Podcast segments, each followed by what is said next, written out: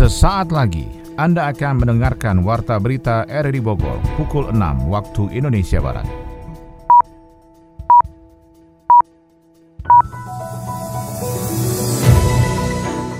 Selamat pagi, salam jumpa. Kami hadir kembali dalam Warta Berita edisi hari ini, Rabu 2 Maret 2022. Informasi ini juga turut disiarkan melalui audio streaming lewat RRI Play dan juga disiarkan lewat Radio Tegak Beriman Kabupaten Bogor, Jawa Barat dan Anda bisa akses di Spotify RRI Bogor. Berita utama hari ini adalah Para pemangku kebijakan mulai dari pusat hingga daerah sepakat berencana membangun flyover serta subterminal untuk pemindahan moda transportasi di Simpang Ciawi Bogor. Pembangunan jalur puncak 2 kembali digaungkan sebagai solusi menekan kepadatan lalu lintas di kawasan itu. Pada Propro 14 Jawa Barat 2022 nanti, Kota Bogor juga dikabarkan akan mendulang medali melalui cabang olahraga menembak. Saya Maulana Isnarto, jilah Warta Berita selengkapnya.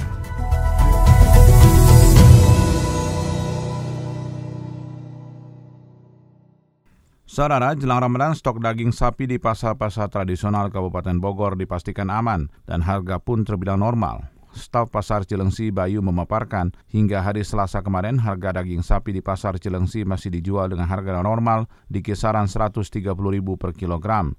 Namun demikian harga daging sapi diprediksi akan mengalami kenaikan pada sepekan jelang Ramadan. Menurutnya hal itu biasa terjadi setiap tahun saat jelang Ramadan. Suasana Pasar Cilengsi saat ini tampak berjalan normal alias tidak ada aksi mogok dari para penjual daging sapi. Libur panjang menyisakan kemacetan parah di kawasan Puncak. Pembangunan jalur Puncak 2 kembali digaungkan sebagai solusi menekan kepadatan lalu lintas. Selengkapnya dilaporkan Adi Fajar Nugraha.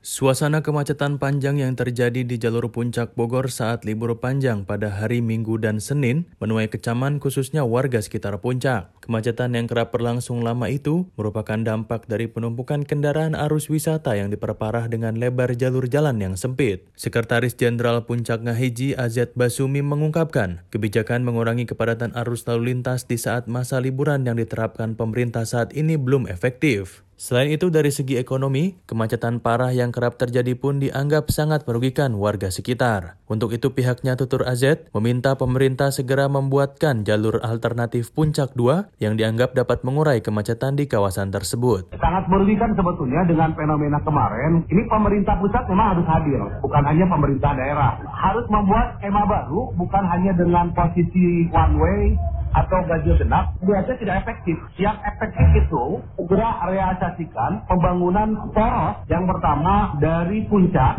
Megamendung Pasir Muncang menghubungkan langsung untuk arus balik itu ke tol Bosini ya, untuk mengurai kemacetan karena memang kalau tidak dibuat seperti itu sampai kapan pun ya dengan kondisi penerapan ganjil genap one way dan lain-lain tidak efektif. Jumlah mobil akan makin bertambah tetapi hmm. bentuk apa kondisi jalan di kita itu tidak memadai.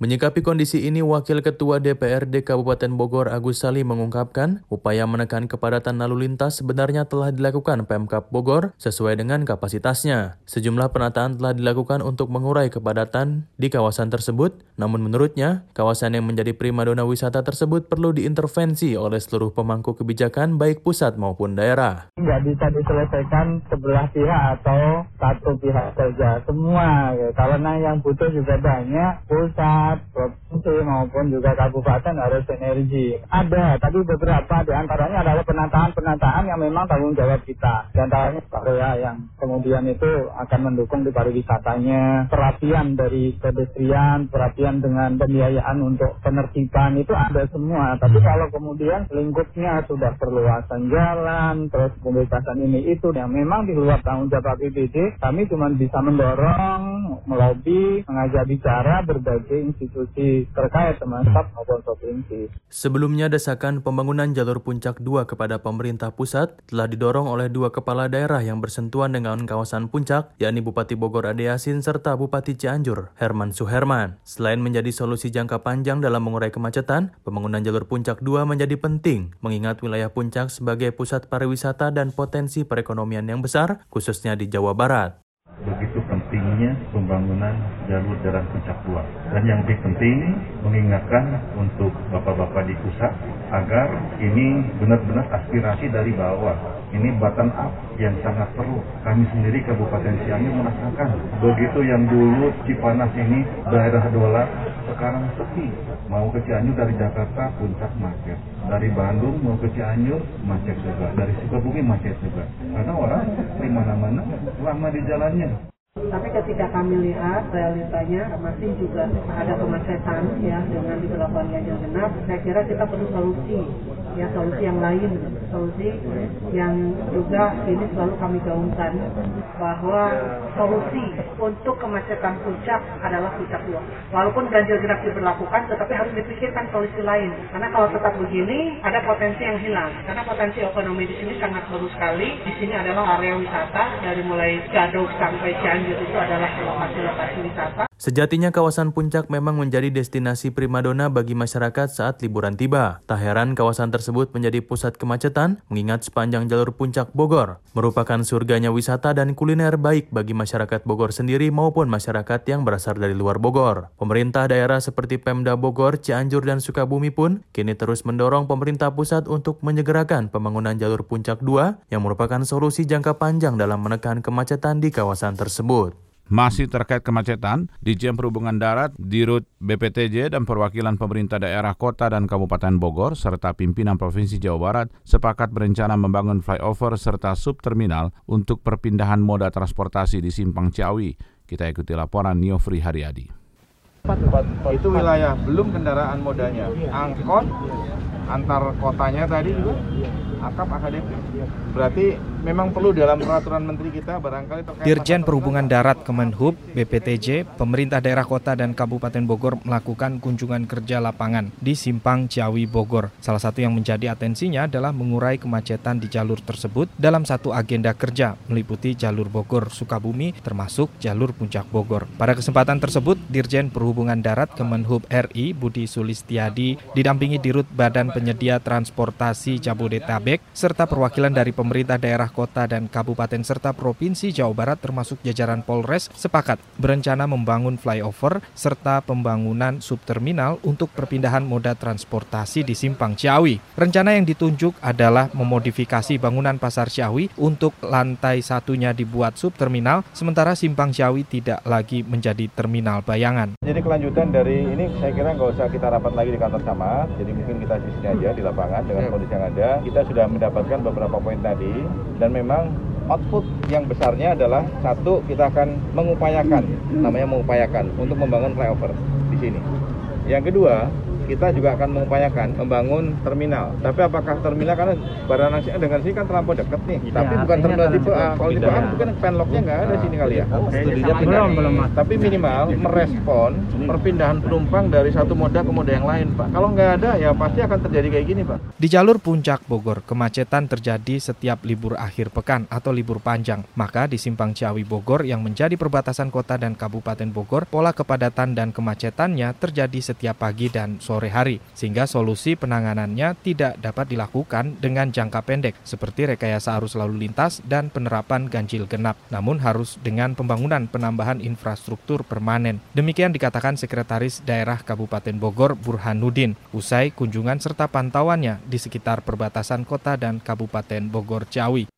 Pendeknya tadi ada langkah-langkah termasuk mungkin mencoba yang ke Sukabumi, terus tadi kalau boleh yang tadi Pak, yang istilah saya itu pelebaran mulut jalan okay. itu masuk jangka pendek juga Pak, yeah. karena memang itu akan antar instansi Pak, tidak yeah. perlu membebaskan lahan Pak, yeah, yeah. Itu, uh, itu masuk dan saya juga baru tahu ada di sini ini Pak Galih, kalau yang tadinya mau saya unjukin di sana lebih ruwet daripada ini Pak, saya langsung wah ini cocok. Jadi apakah kita berkolaborasi kabupaten kota, uh, provinsi atau mungkin juga dengan kementerian itu? Burhanuddin menjelaskan penambahan pembangunan infrastruktur jalan di sekitar Simpang Jawi harus melibatkan seluruh stakeholder, mengingat jalan, lahan, dan perbatasan serta sodetan bahu jalan untuk pelebaran berada di lintas kewenangan. Hasil kunjungan kerja itu nantinya akan dibawa dalam pembahasan tingkat pemerintah pusat pada hari Jumat mendatang dan menjadi bagian dari rencana penataan kawasan di Kabupaten Bogor. Dek, tolong ibu beliin beras ke warung ya. Iya bu, bentar lagi tanggung main game ini. Dek, tolong bantu Bapak angkat pindahkan lemari, Dek. Iya, iya, bentar Pak, lagi bikin konten video dulu. Dek, makan dulu ini. Baksonya udah dibeliin juga. Cepet makan. Sabar kenapa kak? Ade lagi chattingan dulu sama teman. Wah, netizen lagi rame nih. Komen di IG-nya si selebgram. Ikutan ah. Woi, kalau nyebrang jangan lihat HP dong. Untung nggak ketabrak. So, sorry bang, sorry bang. Menggunakan gadget bisa menjadi hal yang menyenangkan. Namun jangan sampai gadget menyita waktu dan perhatian terhadap lingkungan sekitar. Apalagi sampai mencelakakan diri kita. Anda tengah mendengarkan Warta Berita RRI Bogor. Komisioner KPU Kota Bogor melakukan roadshow ke Forum Komunikasi Pimpinan Daerah setempat terkait sosialisasi pemilu presiden, legislatif hingga kepala daerah. Sony Agung melaporkan. Berdasarkan ketetapan pemerintah pusat, maka sudah ada ketetapan terkait tahapan pelaksanaan pemilu, presiden, legislatif, dan kepala daerah yang akan berlangsung pada tahun 2022 ini untuk pada saatnya nanti dilakukan proses pemilu di tahun 2024. Ketua KPU Kota Bogor Samsudin menjelaskan tahapan pemilu langsung pada tahun ini dengan adanya verifikasi faktual partai politik untuk melihat kesiapan dalam mengikuti kontestasi pemilihan legislatif di tahun 2024 partai politik tutur Samsudin harus memenuhi sejumlah persyaratan untuk maju dalam kontestasi politik tahun 2024. Maka dari itu pihaknya wajib menjelaskan segala sesuatu terkait prasyarat pemilu kepada seluruh partai politik. Setelah kita mengetahui hari dan tanggal, itu langsung ditarik 20 bulan untuk tahapan pemilunya. Dari mulai tahapan persiapan, pelaksanaan, sampai nanti pascanya. Kalau ditarik 20 bulan dari 14 Februari 2024, maka tahapan pemilu akan dimulai bulan Juni tahun 2022 ini. Tahapan awal untuk tahapan pemilu ini eh, dimulai dengan pendaftaran partai politik peserta pemilu. Kemudian setelah itu ada verifikasi, baik verifikasi administratif maupun faktual. Kemudian ditetapkan menjadi partai politik peserta pemilu tahun 2024 oleh KPU itu tanggal 14 Desember 2022. Untuk itulah pihaknya Samsudin melakukan roadshow mensosialisasikan kepada forum komunikasi pimpinan daerah agar bersama-sama dapat mensukseskan ajang pemilihan politik di tahun 2024 nanti sehingga bisa terjadi sinergitas seperti pada periode sebelumnya. Selain itu pihaknya juga akan melakukan penjelasan kepada partai politik yang menjadi kontestan pemilu sehingga dapat lebih memahami segala aturan serta sistem perpolitikan yang akan digunakan pada tahun 2024 nanti. Bapak punya sekretariat yang tetap, eh, tentunya sebelumnya di oleh Menteri Hukum dan HAM ya. Kemudian setelah itu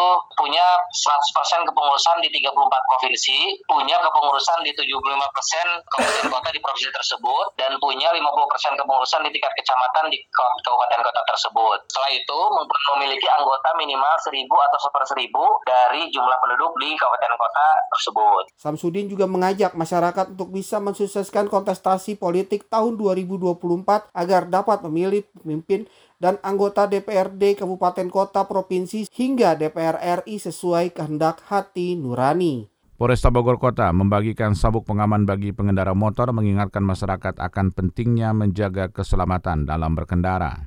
Aparatur Satlantas Polresta Bogor Kota melakukan edukasi kepada masyarakat pengendara sepeda motor untuk keselamatan berkendaraan. Hal itu terlihat saat dilakukannya pembagian sabuk pengaman bagi pengendara sepeda motor di Mapolresta Bogor Kota Jalan Kapten Muslihat, Selasa pagi kemarin. Kasat Lantas Polresta Bogor Kota Kompol Gari Aprilia mengungkapkan untuk menekan angka kecelakaan pengguna kendaraan bermotor khususnya sepeda motor pihaknya melakukan edukasi kepada para pengguna jalan menggunakan sabuk pengaman. Operasi Keselamatan Lodaya 2022 ini, Polresta Bogor Kota khususnya Satlantas Polresta Bogor Kota mempunyai inovasi yaitu kita akan memberikan bantuan sabuk keselamatan bagi anak khususnya untuk roda 2. Perlu rekan-rekan juga ketahui bahwa salah satu dari banyak terjadinya kecelakaan itu adalah gangguan daripada anak terhadap kendaraan motor khususnya maupun upaya seorang ibu memberikan kenyataan kenyamanan terhadap anak terkadang juga menjadi salah satu kendala dalam berkendara. Sementara itu Kapolresta Bogor Kota Kombes Pol Susatyo Purnomo Condro menekankan agar masyarakat dapat mematuhi aturan berkendara agar bisa selamat sampai tujuan. Operasi keselamatan berkendara petugas akan melakukan penindakan secara persuasif dan mengedukasi masyarakat agar bisa mengikuti aturan tersebut untuk bisa terhindar dari kecelakaan di jalan raya.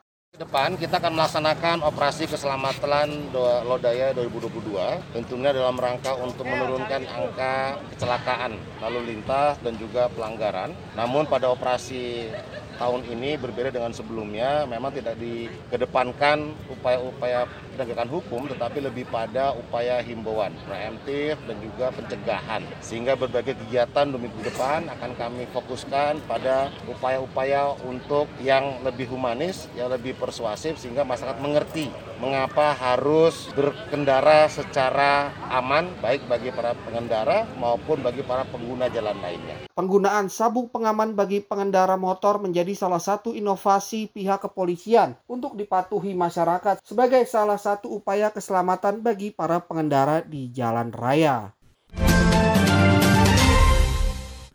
Dari dunia ekonomi, Wakil Presiden Maruf Amin meyakini bahwa Indonesia secara ekonomi memiliki potensi kekuatan untuk bangkit dari pandemi COVID-19.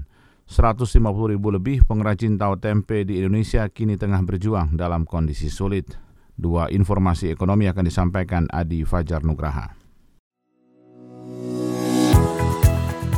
Wakil Presiden Maruf Amin meyakini bahwa Indonesia secara ekonomi memiliki potensi kekuatan untuk bangkit dari pandemi COVID-19.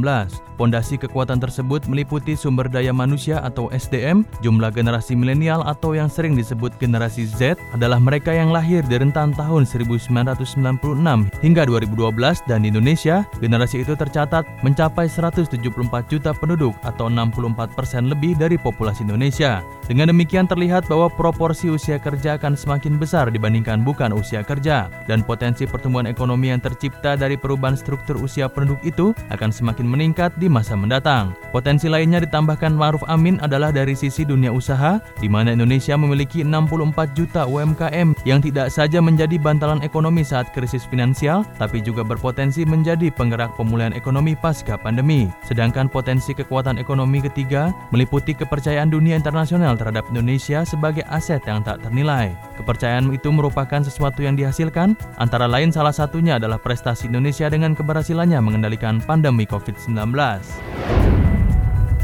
Indonesia saat ini tengah melakukan berbagai upaya dalam mengatasi permasalahan harga, salah satunya yaitu kenaikan harga kedelai yang membuat para perajin tahu tempe kewalahan. Setidaknya ada 150 ribu lebih perajin tahu tempe di Indonesia yang saat ini tengah berjuang dalam kondisi sulit saat ini. Sebenarnya ada beberapa opsi yang telah disiapkan oleh pemerintah, seperti yang diutarakan Direktur Jenderal Perdagangan Dalam Negeri Kementerian Perdagangan Oke Nurwan. Menurutnya kenaikan kedelai tidak bisa dihindarkan dan yang perlu diperhatikan adalah bagaimana menghadapinya. Untuk menekan biaya produksi, pemerintah sedang memikirkan bagaimana cara operasional produksi seperti peralatan, pendistribusian, serta skemanya. Namun dapat pula tambah oke dengan memberikan subsidi harga kedelai. Untuk urusan permodalan akan ditangani Kementerian Koperasi dan UKM, sementara bantuan subsidi harga kedelai akan ditangani pihak Kementerian Perdagangan. Oke menegaskan pemerintah masih merumuskan dari opsi-opsi tersebut dan ia berpesan masyarakat harus paham harga tahu tempe akan naik menjelang Ramadan dan Idul Fitri, namun pemerintah memastikan memastikan ketersediaan stok kedelai aman walau dengan harga yang masih tinggi.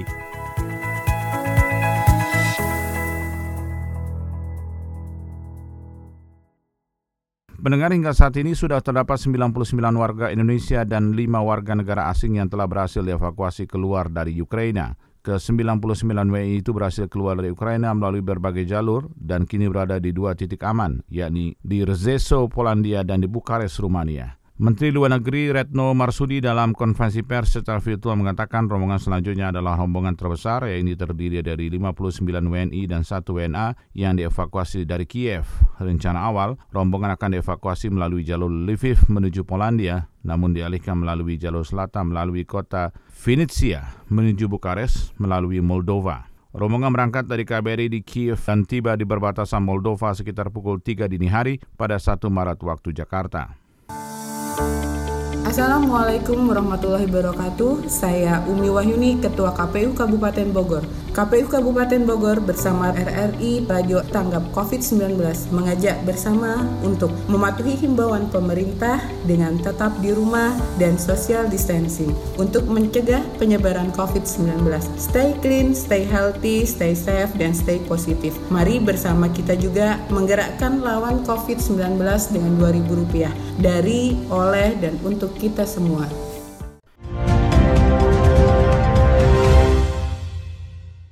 Dari dunia olahraga, Poprov 14 Jawa Barat 2022 nanti, Kota Bogor dikabarkan bakal mendulang medali melalui cabang olahraga menembak. Selengkapnya disampaikan Ermelinda.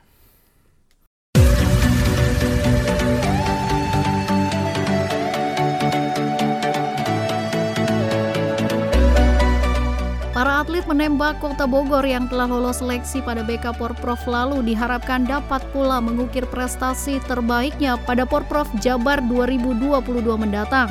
Bukan hanya itu, mereka juga berkesempatan untuk diterjunkan di ajang Olimpiade Paris pada 2024 nanti. Harapan tersebut disampaikan Ketua Umum KONI Kota Bogor Beninu Argobi yang juga merupakan pelatih Kepala Perbakin Jawa Barat. Argobi mengaku atlet-atlet binaannya di Perbakin Kota Bogor Bogor ini menjadi sniper-sniper yang diperhitungkan oleh banyak daerah lainnya. Tapi kondisi sekarang kita melihat beberapa atlet kita yang levelan-levelan nasional ini ini sudah cukup untuk berangkat olimpiade. Yang paling tinggi sekarang posisinya ada di menembak. Menembak itu kita sudah sama-sama skor-skor dunia. Beninu menyebutkan atlet-atlet binaannya seperti Ivana, Fatur, dan Audrey merupakan atlet yang diharapkan mampu mempersembahkan emas bagi kota hujan. Sementara itu untuk atlet menembak putra Putra Kota Bogor mengandalkan Ipung Saiful untuk bisa mendulang emas di Porprov nanti. Ditemui RRI pada saat latihan, Ipung mengaku optimis dapat meraih prestasi terbaiknya di Porprov Jabar 2022 mendatang. Dua nanti saya juga optimis ya masih optimis bahwa timnya jelas kuat karena saya punya faktor untuk jadi tim saya sebelumnya saya di Porda 2018 sama 2014 itu saya single factor jadi nggak punya tim. Masih main perorangan aja. Mungkin itu yang membuat juga jadi sedikit berat. Saya juga cuma finish di ranking 5 kalau nggak salah di Porda itu. Masuk final tapi finishnya ranking 5 untuk ke depannya saya sih optimis bahwa saya bisa memperbaiki ranking Sebelumnya atlet menembak Kota Bogor banyak menorehkan prestasi terbaik di event nasional maupun internasional, sehingga pada perhelatan Porprov mendatang Kota Bogor dipastikan dapat mendulang emas sebanyak-banyaknya.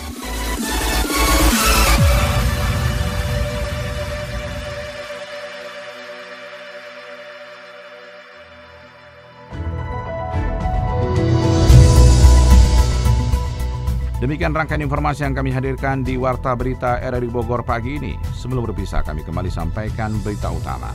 Para pemangku kebijakan mulai dari pusat hingga daerah sepakat berencana membangun flyover serta subterminal untuk pemindahan moda transportasi di Simpang Ciawi Bogor.